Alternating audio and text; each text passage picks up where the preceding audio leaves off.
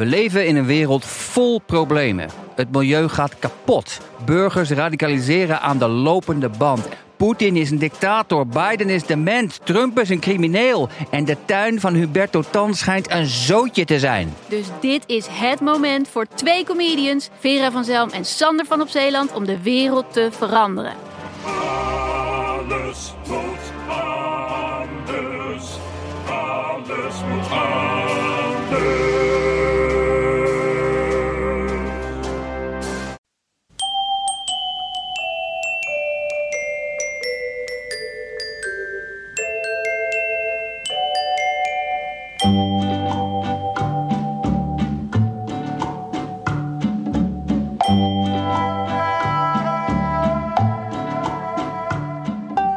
Welkom bij aflevering 82 van de Echt Gebeurd podcast.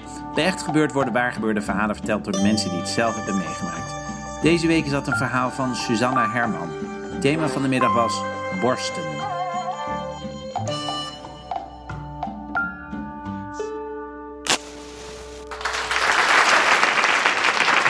Ik heb een eh, heel speciaal detectiesysteem ontwikkeld. Dat als er ergens waar ik kom een eh, bouwput is, of een steiger, of als ze nieuwe ramen aan het zetten zijn of kabels aan het leggen, dan kan ik van grote afstand al inschatten dat er bouwvakkers zijn. En eh, ik hoor die muziek, het is meestal 100% NL of Sky Radio of Q Music of zo. Eh, en dan hoor je die boor of zo'n grote straatstamper, ik weet niet hoe dat heet. Eh, en dan als ik dan steeds dichterbij kom, dan denk ik, sorry, dan denk ik nou, bouwput, daar gaan we. Dus ik eh, zet me dan even schrap, schouders naar achter en denk, nou, laat maar komen. Jullie hadden het misschien al gezien, ik heb eh, dikke tieten.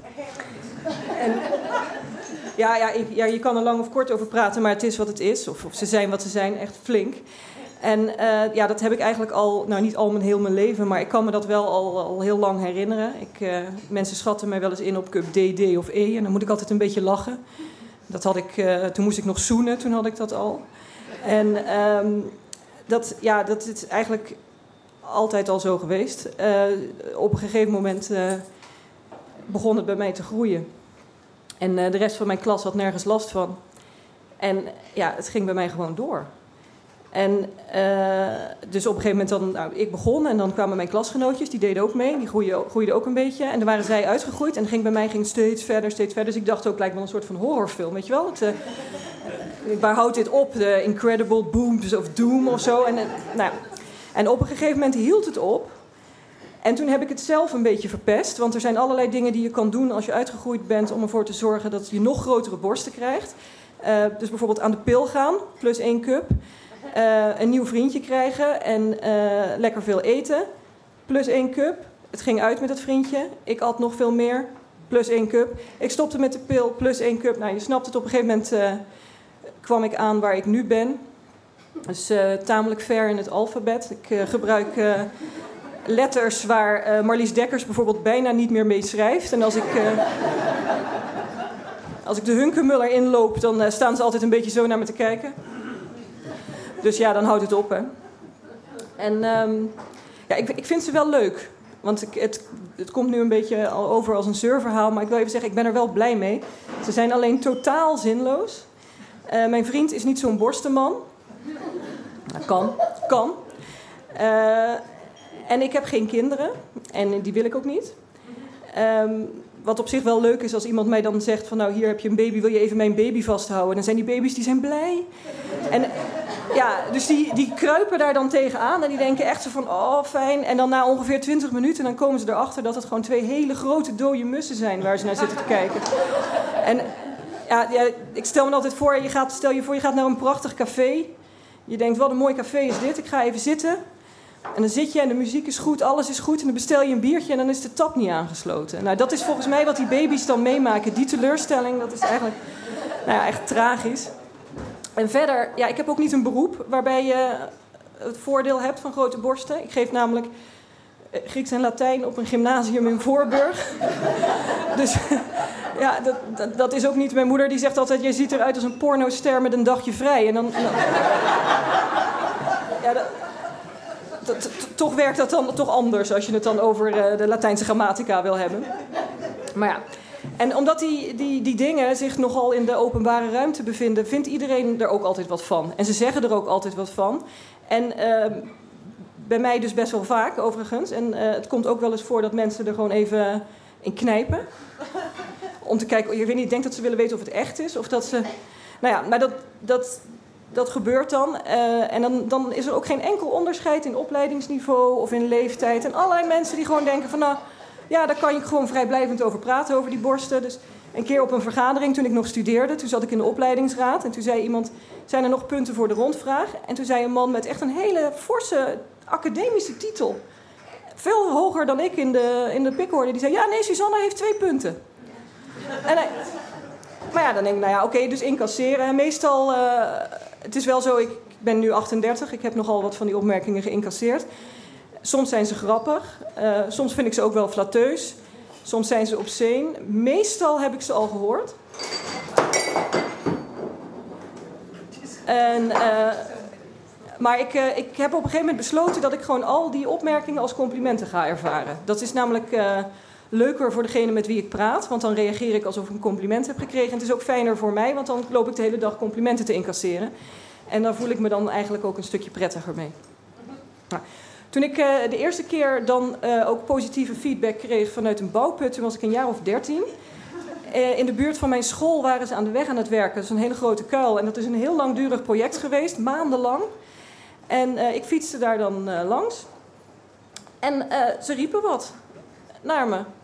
Nou ja, ik, ik had, toen had ik al een C-cup. Dus het was ook niet heel raar. Maar ik had toch, ik had toch eigenlijk de neiging om even af te stappen en tegen ze te zeggen: Jongens, beseffen jullie wel dat ik 13 ben? Wat zijn jullie voor smeerlappen? Je kan toch niet zomaar tegen meisjes van 13 allerlei ranzige opmerkingen gaan maken? Maar ja, toen dacht ik aan de andere kant, kut, weten die mannen veel. Eh, die, uh, die zien gewoon uh, twee dikke tieten en die denken roepen. En als je in een hele grote auto gaat rondrijden terwijl je eigenlijk meer een kleine autorijder bent, dan toeteren ook mensen naar je. Dus ik dacht, nou, laat maar lopen.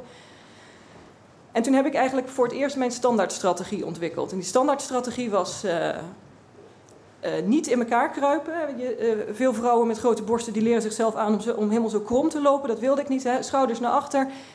Opmerking incasseren, eventueel goede dag terugzeggen, want ik ben natuurlijk wel goed opgevoed. Um, en dan doorlopen. En daar heb ik het eigenlijk jarenlang mee gered met die strategie. En dan, als ik dan weer een bouwput zag, nou dan kwam het ook wel eens voor dat ik een grapje terugmaakte. Uh, maar dan moest ik wel echt net de goede bui hebben. Of dan moesten ze net iets zeggen waar ik wat, uh, uh, wat mee had. Er was een man in een bouwput die op een gegeven moment zei dat hij wel graag een keer in mijn decolleté zou willen kijken. En toen zei ik tegen hem van nou, dat vind ik heel aardig. Want als ik zo dat uh, decolleté dat jouw collega daar aan de achterkant heeft hangen ziet... dan is er een behoorlijke concurrentie die hier is. En toen had ik echt ook vrienden gemaakt in die bouwputten. Ja, met iedereen behalve die man met dat uh, achterdecolleté. Maar dat... En, en wat wel heel fijn is aan die contacten met die bouwput ook... is dat het helemaal niet uitmaakt hoe ik me voel. Hè, er zijn dagen dat ik me heel goed voel en dan kreeg ik, uh, kreeg ik enthousiast commentaar van ze. Dagen dat ik dacht van nou, ik voel me eigenlijk een beetje dikker. Of uh, een beetje lelijk. Of uh, mijn haar zit stom. Maakte allemaal niet uit. En het, het, maakte niet uit of het oude bouwvakkers waren of jonge bouwvakkers. Op een gegeven moment waren die dat ik dacht: jongen, jij bent hier echt te jong voor om dit soort dingen tegen mij te zeggen. Maar, uh, of dat het Nederlanders waren. Of nou, ik heb ook alle trends in uh, geïmporteerde uh, bouwvakkers heb ik meegemaakt. Dus Polen, Bulgaren zijn nu helemaal hot in de sfeer. Het is allemaal meegemaakt. Ze zijn gewoon, ja, ze, ze, ze waren er gewoon altijd voor me. En, nou, en ik was er ook altijd voor hun. Ik zag het ook als een soort van maatschappelijke plicht. Van nou, die, die, mannen die werken, die maken voor ons de wegen glad, die maken voor ons die kabels, die maken voor ons. En ik geef wat terug aan. aan ja, ik bedoel, het, het, het, kost mij, het kost mij niks. Die, uh, het slijt er niet van, zeg ik altijd maar. Dus ik, uh, ik was eigenlijk. Uh, het ging helemaal goed. We hadden een goede relatie. Tot die ene dag. Eigenlijk waren alle ingrediënten voor een heel goed contact met de heren van de bouw aanwezig. Dus ik dacht, nou, ik, mijn functie als de muze van de bouw ga ik nu even aannemen. Dus ik, de zon scheen. Dus ik had ehm, nou, misschien net iets minder aan dan anders. ik was op weg naar mijn werk, hè, dus ik was niet naakt of zo. Maar ik had, eh, ik had een decolleteetje. En, ehm, de, en dus het feit dat de zon scheen was ook fijn. Ik hoorde Marco Borsato in de achtergrond. Ik denk, nou, daar gaan we.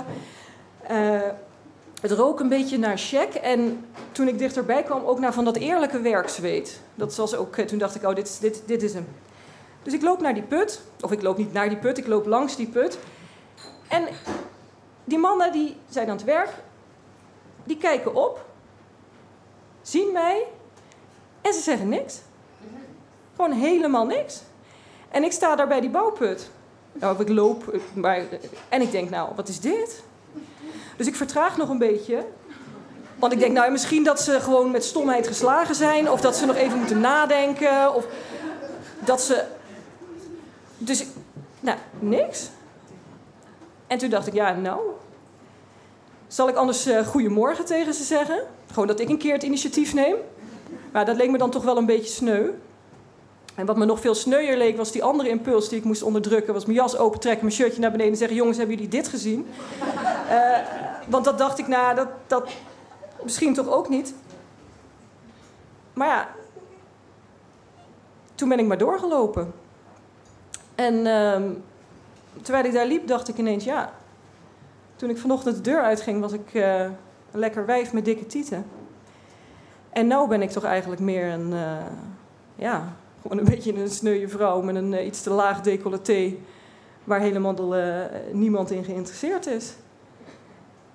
En dat is best gek.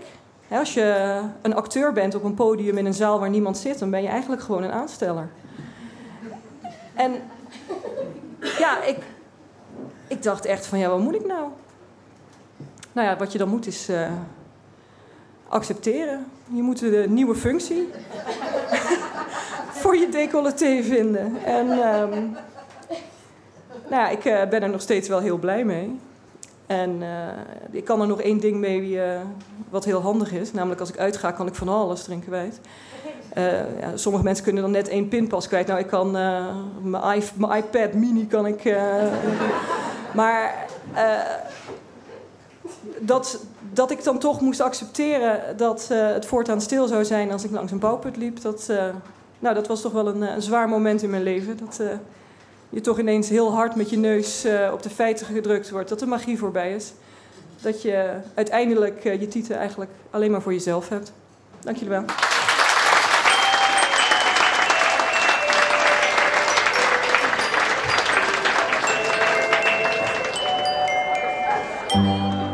Dat was Suzanne Herman. Suzanne blogt op flauwekulletjes.nl. Echt Gebeurd wordt iedere derde zondag van de maand opgenomen in Toemler onder het Hilton in Amsterdam. Heb je zelf een bijzonder verhaal te vertellen of wil je er gewoon een keertje bij zijn? Ga dan naar echtgebeurd.net.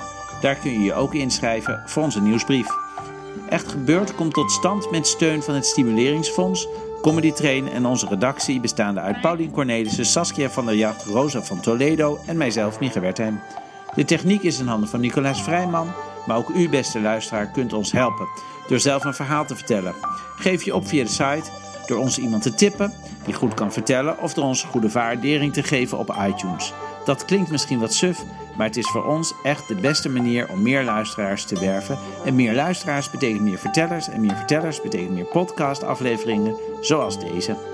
De feestdagen komen er trouwens aan en als je nog een leuk cadeau zoekt, denk dan een keertje aan het luisterboek van Echt Gebeurd. Of wat zeg ik, er zijn inmiddels twee luisterboeken die ieder weer bestaan uit twee cd's. Met verhalen erop, waarvan sommige zo goed zijn dat we ze niet eens op de podcast hebben gezet. De volgende Echt is op zondag 16 november. Thema van de middag zal zijn De dood in de ogen.